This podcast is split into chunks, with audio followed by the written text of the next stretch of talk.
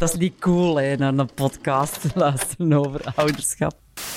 Dag luisteraars, welkom opnieuw. Dit is het vierde deel van Tussen Was en Plas, de podcast van Parentia, waarin we met een bekende ouder en een expert praten over het leven als ouder.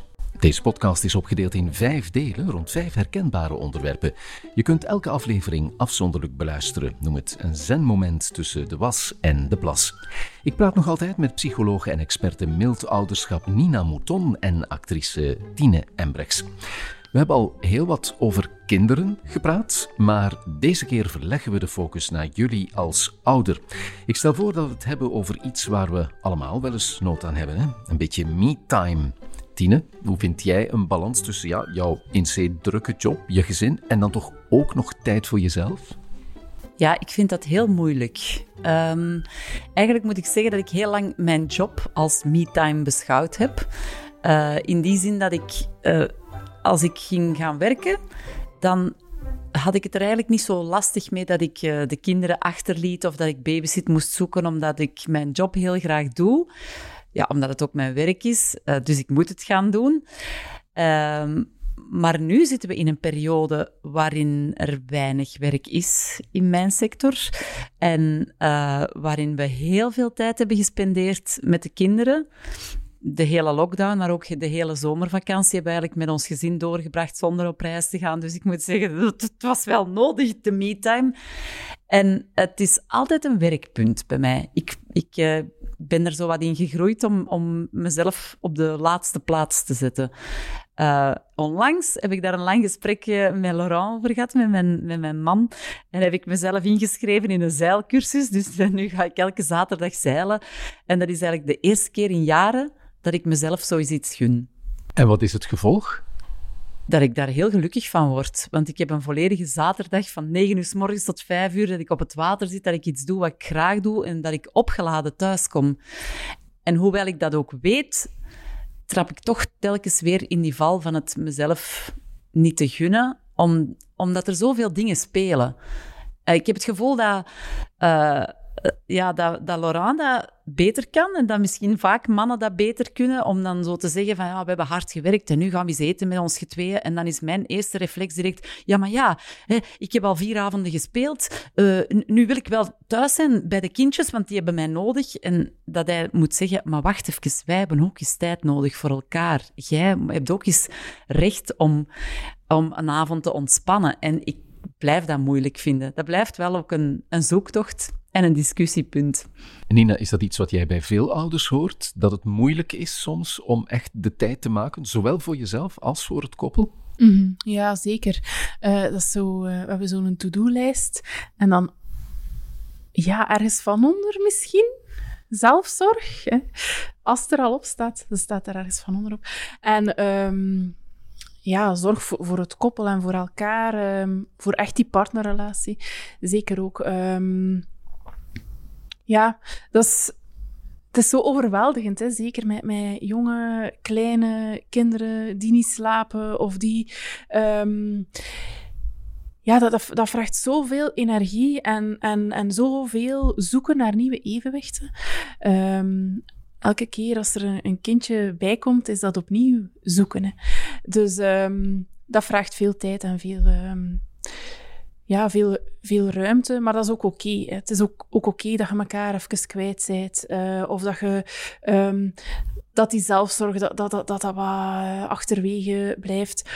Op een bepaald moment vallen daar wel door. En dan, dan soms zie ik moeders voor mij in mijn praktijk ontwaken uit het moederschap, noem ik dat dan. Zo van, ah ja, en ik, ah ja, ja, ik ben ook nog iemand die, voordat ik mama was, deed ik dat en dat en dat. En, en werd ik daar vrolijk van en, en kon ik daardoor mijn, mijn, mijn batterijen opladen. Dus ja. Jij hebt zelf ook een druk leven. Hoe doe je het voor jezelf om die me-time te hebben, te nemen? Um, ik probeer goed te te voelen en in te checken bij mezelf. Oké, hoe is dat hier vandaag met mij en wat heb ik vandaag nodig? Ik werk van thuis uit, dus ik kan veel dingen zelf regelen. Um, ik kan zich regelen met wat ik op die dag bezig ben. Ehm, dus ik, ik probeer goed te voelen, s morgens, oké, ehm, hoe is dat hier met mij? Wat heb ik nodig? Heb ik, heb ik een, een middagdutje nodig of, uh, of niet? Um, uh, ga ik werken vandaag of, of uh, deze ochtend, vanmiddag? Echt ja, proberen luisteren naar, naar, naar mijn lijf en naar, naar mijn mentale toestand op, op dat moment. Ook als de kinderen thuis zijn, probeer ik zo goed mogelijk wat heb ik nodig en wat hebben zij nodig op elkaar af te stemmen. Hoe maak je duidelijk aan je kinderen dat, dat je nood hebt aan wat tijd voor jezelf? Spreek je daarover? Ja, ik denk dat dat een, um, een belangrijk iets is. We zijn, we zijn allemaal model voor onze kinderen. Hè. Wij kunnen um, niet alleen door te zeggen hen dingen meegeven, maar vooral ook kijken ze heel goed wat doen die allemaal. Hè. Als je dan uh, samen met je man een keer gaat gaan eten, dan, dan hebben die dat wel gezien en dan zien die wel, ah, dat is ook wel belangrijk, dat mama en papa hè, uh, samen iets doen. Um, dus ja, je kunt erover spreken, maar je kunt vooral ook, ook moddelen. Hè. Wat, wat, wat geven ze mee en, en welk voorbeeld geven ze mee? Um, ik zie ook vaak mensen, um, zeker bij kleine kinderen, ja, laat mij even gerust. Dat, dat werkt vijf seconden en dan zijn ze daar weer. Of je gaat zo even naar het toilet zo op je kousen voeden en plots hebben ze u allemaal nodig. Hè. Dan, uh... Tine, je bent aan het lachen, vertel. Maar ja, nee. Of dat mijn kleinste, Maurice, die, die, die weet mij inderdaad altijd te vinden. Zelfs als ik denk, moet ik even rustig vijf minuten op het toilet, dan staat hem daar weer. Hè. Dan staat mama, mama. Ja, dat is ongelooflijk. Als je duizend keer op de dag mama hoort. ah, maar zo hebben wij tijdens de lockdown ook wel echt op een gegeven moment... Dus uh, afgesproken, Laura en ik. Oké, om de beurt staan we op. En, en, en uh, de ene pakt de voormiddag of de ochtend met de kleintjes. En de andere neemt dan een moment voor zichzelf. Voelt mm wat, je, wat je nodig hebt. Blijft je uh, nog wat langer slapen? Of gaat je... Wij zijn alle twee intens beginnen yoga doen op ons bovenste verdiep. En dan wisten de kleintjes ook, nu moeten we de andere met rust laten. Of even gaan lopen. Of even zo. Maar inderdaad, van even me-time binnen, binnenshuis, want je moest toen nog thuis blijven. Uh, en sindsdien weten ze dat eigenlijk wel. Dat is wel, wel leuk om te zien. Ja, voilà, zo maakt het ook heel visueel. Je zijt er echt letterlijk niet, niet. Hè? Ja. Um, ja, voor kinderen is dat wel... Uh, wel ja, want anders staan ze daar toch weer. Hè? Ze weten me altijd te ja, vinden. Ja, ze weten nu te vinden. Kleine rotzakken. Ja. er is zo'n meme, hè, van als ik ooit, als ik ooit um, ja, vermist geraak, vraag het gewoon aan mijn kinderen, want die weten mij toch te vinden. um, naast ouders zijn jullie natuurlijk ook uh, allebei partner. Ja, Tine, je hebt er net al naar verwezen dat Laurent jou op een bepaald moment echt heeft moeten zeggen van ja, wij zijn er ook nog. Ja, ja dat, dat is ook zo. Ik moet, uh, ik moet eerlijk toegeven dat uh, hij is daar alerter voor dan ik. En dat, bij mij heeft dat dan misschien te maken... Kijk, ik heb het allemaal alleen meegemaakt. Um, ik heb al ja, een generatie kinderen ja, grootgebracht, zal ik maar zeggen. En ik weet ook dat die moeilijke periode van die kinderen, dat dat wel voorbij gaat. Dus ik heb, ik heb eigenlijk heel de tijd zoiets, even volhouden, nog volhouden, nog een jaar volhouden en we zijn erdoor. Kom aan, kom aan. En, en ik zie bij hem wel dat hij sneller aan de alarmbel trekt van, ja, maar ja, het is niet omdat we het nog twee jaar moeten volhouden dat we daardoor, dat, daarom het zomaar moeten laten passeren. Ik wil ook nog wel mijn vrouw terug hebben en ik wil ook nog wel terug wat romantiek en ik wil ook wel wat, ja, gewoon wat quality time met ons, met ons getweeën. En uh, daar heeft hij natuurlijk gelijk in. Uh, en we proberen dat ook nog wel in te bouwen. Maar ik denk dat ik dan langs de andere kant wel meer de rust heb van het komt, komt wel goed. Kom, we moeten hier gewoon die moeilijke jaren doorspartelen. Uh, af en toe kijken we naar elkaar, ja, team parent. Als we weer een rotnacht achter de rug hebben en met alle twee met wallen in de, keu in de keuken staan we op elkaar en op die kinderen te roepen. Kom aan, team parent, nog even volhouden.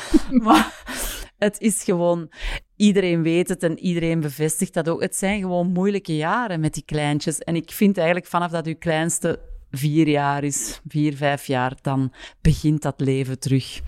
Ik zal dan al lichtjes verlept zijn tegen dat het eindelijk zover is. Maar goed. zeg Nina, in je boek pleit je niet alleen voor mild ouderschap, maar ook om mild te zijn voor jezelf en voor je partner. Leg dat eens uit. Ja, uh, soms versnellen we zo in dat, in dat ouderschap en zijn we alleen nog maar uh, mama of papa. Uh, en, en, ja, geraken we elkaar uit het, uit het oog. Allee, verliezen we elkaar uit het oog. Um, waar dat op zich is dat een normale evolutie als er kinderen bij komen in, een relatie. Um, maar probeer, als je voelt van, oh, we zijn elkaar hier kwijt, van, van daarin te verbinden. Hè. Van te verbinden met jezelf, maar ook van te verbinden met je partner. En ik krijg dan vaak koppels over de vloer die elkaar volledig kwijt zijn en die, die vervallen in verwijten en die, die vervallen in, oh, jij zij begonnen met dit of jij doet nooit dat. Um, dan, dan, zit het, dan zit het heel hoog. Hè. En eigenlijk is het dan ook zaak van te kijken van wat heb je nodig van elkaar. En heel vaak mist je elkaar? Hè? Uh, mist je elkaar in, in, het ouderschap of mist je elkaar als partner? En als je daar dan over kunt praten, eh, op die diepere laag, weg van de verwijten, um, dan, uh, dan zit je weer aan het verbinden. Spelen ja, Tine, zeg maar. Ja, nee, ik, ik, ik, ik ben het daar ook wel mee eens. Want op, de, op den duur krijg je altijd maar een soort versie van jezelf en van de ander te zien die niet de leukste versie is.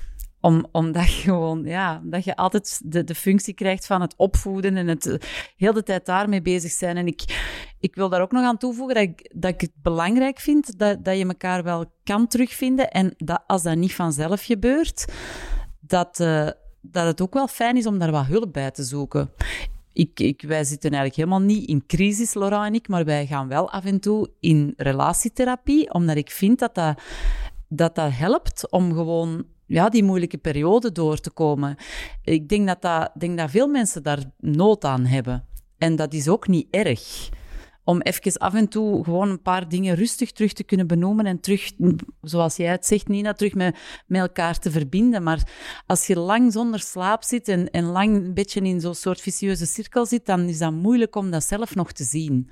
Dus dan heb je daar soms een duwtje in de rug voor nodig.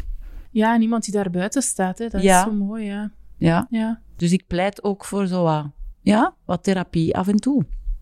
Als we terugkijken naar de, de nood aan me-time, aan zelfzorg.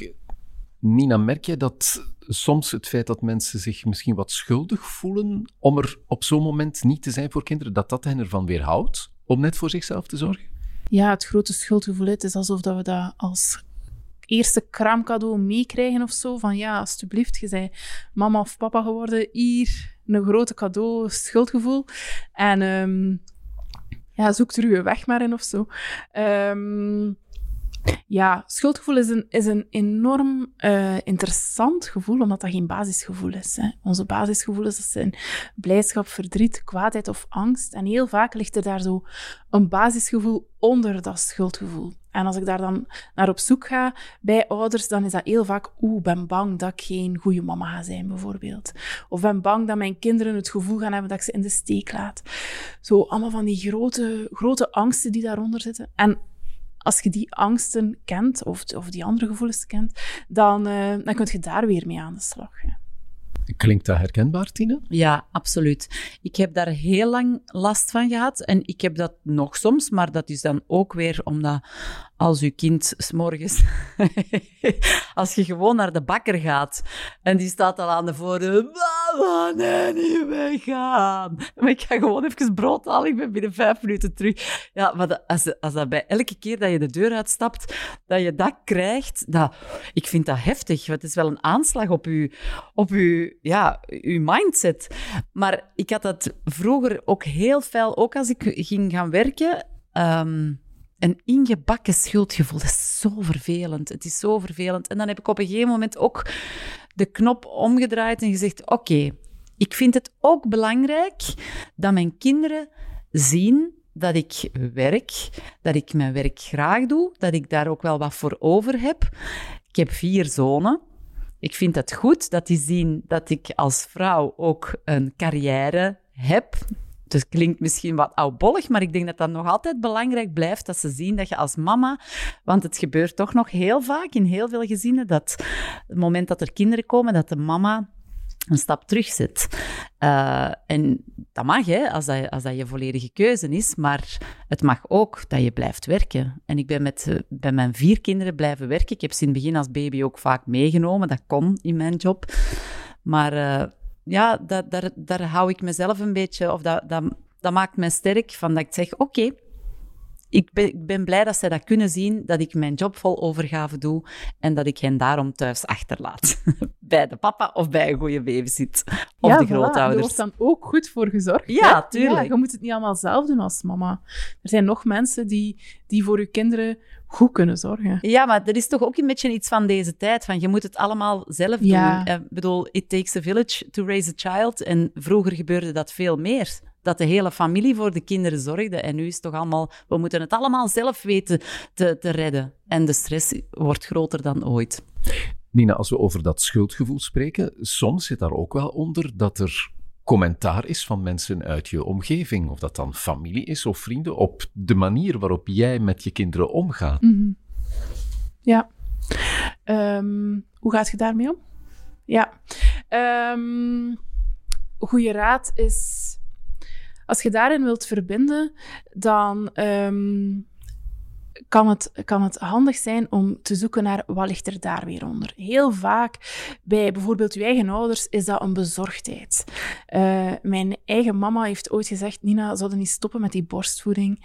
En dan zeg ik van, maar mama, ik wil niet stoppen met die borstvoeding. Waarom zeide jij dat constant? Allee, constant heeft dat misschien drie keer gezegd, maar hey, waarom zeide jij dat? Waarom hamerde jij daar zo op? En dan zei ze, maar Nina, ik zie dat jij zo moe bent. Ik zie dat je, dat je zo moe bent, ik maak mij ongerust. Ja, of dat je dat hier allemaal wel, wel gaat trekken. En ik denk, als je stopt met de borstvoeding, dat je dan minder moe gaat zijn. Ik zeg, oké, je ziet dat ik moe ben. Dat is waar. Je helpt mij niet met die goede raad, maar zie die vijf wasmannen daar in de hoek zouden mij daarmee kunnen helpen. Dus heel vaak ja, ligt, er daar, ligt er daar ook weer iets onder van, um, ja, van bezorgdheid of van, of van een, ja, iets, iets goed bedoeld, maar, maar, maar mensen kunnen dat moeilijk, moeilijk uitspreken en dan verpakken ze dat maar in goede raad. Ja, en wat als ouders het fundamenteel oneens zouden zijn met jouw manier van opvoeden? Ja, dat kan. Hè. Um, ik zie dat ook soms in mijn praktijk. En dan ligt er daar ook vaak zoiets onder van, goh, maar vind jij dan dat wij het niet goed hebben gedaan? Hè? Dat uw, uw eigen ouders denken dat jij zo bak kritiek hebt omdat je het anders wilt doen. Maar eigenlijk wil elke generatie het anders doen op een bepaalde manier. En, en elke generatie zoekt naar een andere manier van, van, van grootbrengen, van opvoeden, van in het ouderschap staan. En dat is de les. Ja, dat is de les. En in sommige dingen kunt je verbinden met je eigen ouders of met je schoonouders en in sommige dingen niet. En dan is dat een beetje, ja, zoeken hoe kunnen we daarmee omgaan. Mag er, mag er verschil bestaan? Heb jij daar ooit gesprekken of discussies over gehad, Tina? Absoluut, absoluut. Maar ik denk dat dat er bij hoort. Uh, ik voelde aan mijzelf dat toen ik net mama was voor de eerste keer, dat ik het uh, exact hetzelfde wilde doen als mijn eigen ouders. Ik heb een heerlijke jeugd gehad, ik heb een zalige opvoeding gehad, maar ja, dus ik probeerde heel de tijd aan een, een hoop eisen die ik mezelf oplegde te voldoen. Maar ik faalde constant. Want ik heb namelijk, ja, we leven in een andere tijd. Uh, ik heb die job die ik graag doe. Mijn mama was de eerste jaren dat wij klein waren altijd thuis. Mijn papa had een regelmatige job. Dus alles wat ik wilde doen, dat mislukte. En dan heb ik daar op een gegeven moment heb ik, ja, moeten loslaten. Ben ik ook wel in gesprek gegaan met mijn moeder over een aantal dingen. Ik denk dat dat logisch is dat er op een gegeven moment ook bijna een soort van conflict komt, omdat je u moet, als je zelf ouder wordt, dan word je teruggecatapulteerd naar je eigen opvoeding. En dan, ja, dan moet je zelf gaan onderzoeken, hoe ga ik het aanpakken? En dat is, dat is een beetje een weg die je moet afleggen. Maar heel fijn. En ik heb nog altijd, uh, ja, ik heb nog altijd een fantastisch contact met mijn ouders. En ze hebben het super gedaan. En ik doe het lichtjes anders, maar ook goed. En sowieso, ik zal het proberen te doen op de manier die ik denk dat de beste is. Maar ik zal ook op een gegeven moment wel de rekening krijgen van mijn kinderen als zij groot zijn. En zo hoort het ook, denk ik. Laten we dat als conclusie nemen. Ja. Tine en Nina, dankjewel voor dit gesprek. Tot slot vermeld ik graag nog even dat Tussen Was en Plas mogelijk wordt gemaakt door kinderbijslagfonds Parentia. Bij hen kan je terecht voor een stipte uitbetaling van je startbedrag of kraamgeld en je groeipakket of kinderbijslag. Daarnaast helpen ze je graag met al je vragen over gezinsadministratie. Ga zeker even naar de site parentia.be. Tot in het volgende deel. Parentia. Vanaf het begin bij elk gezin.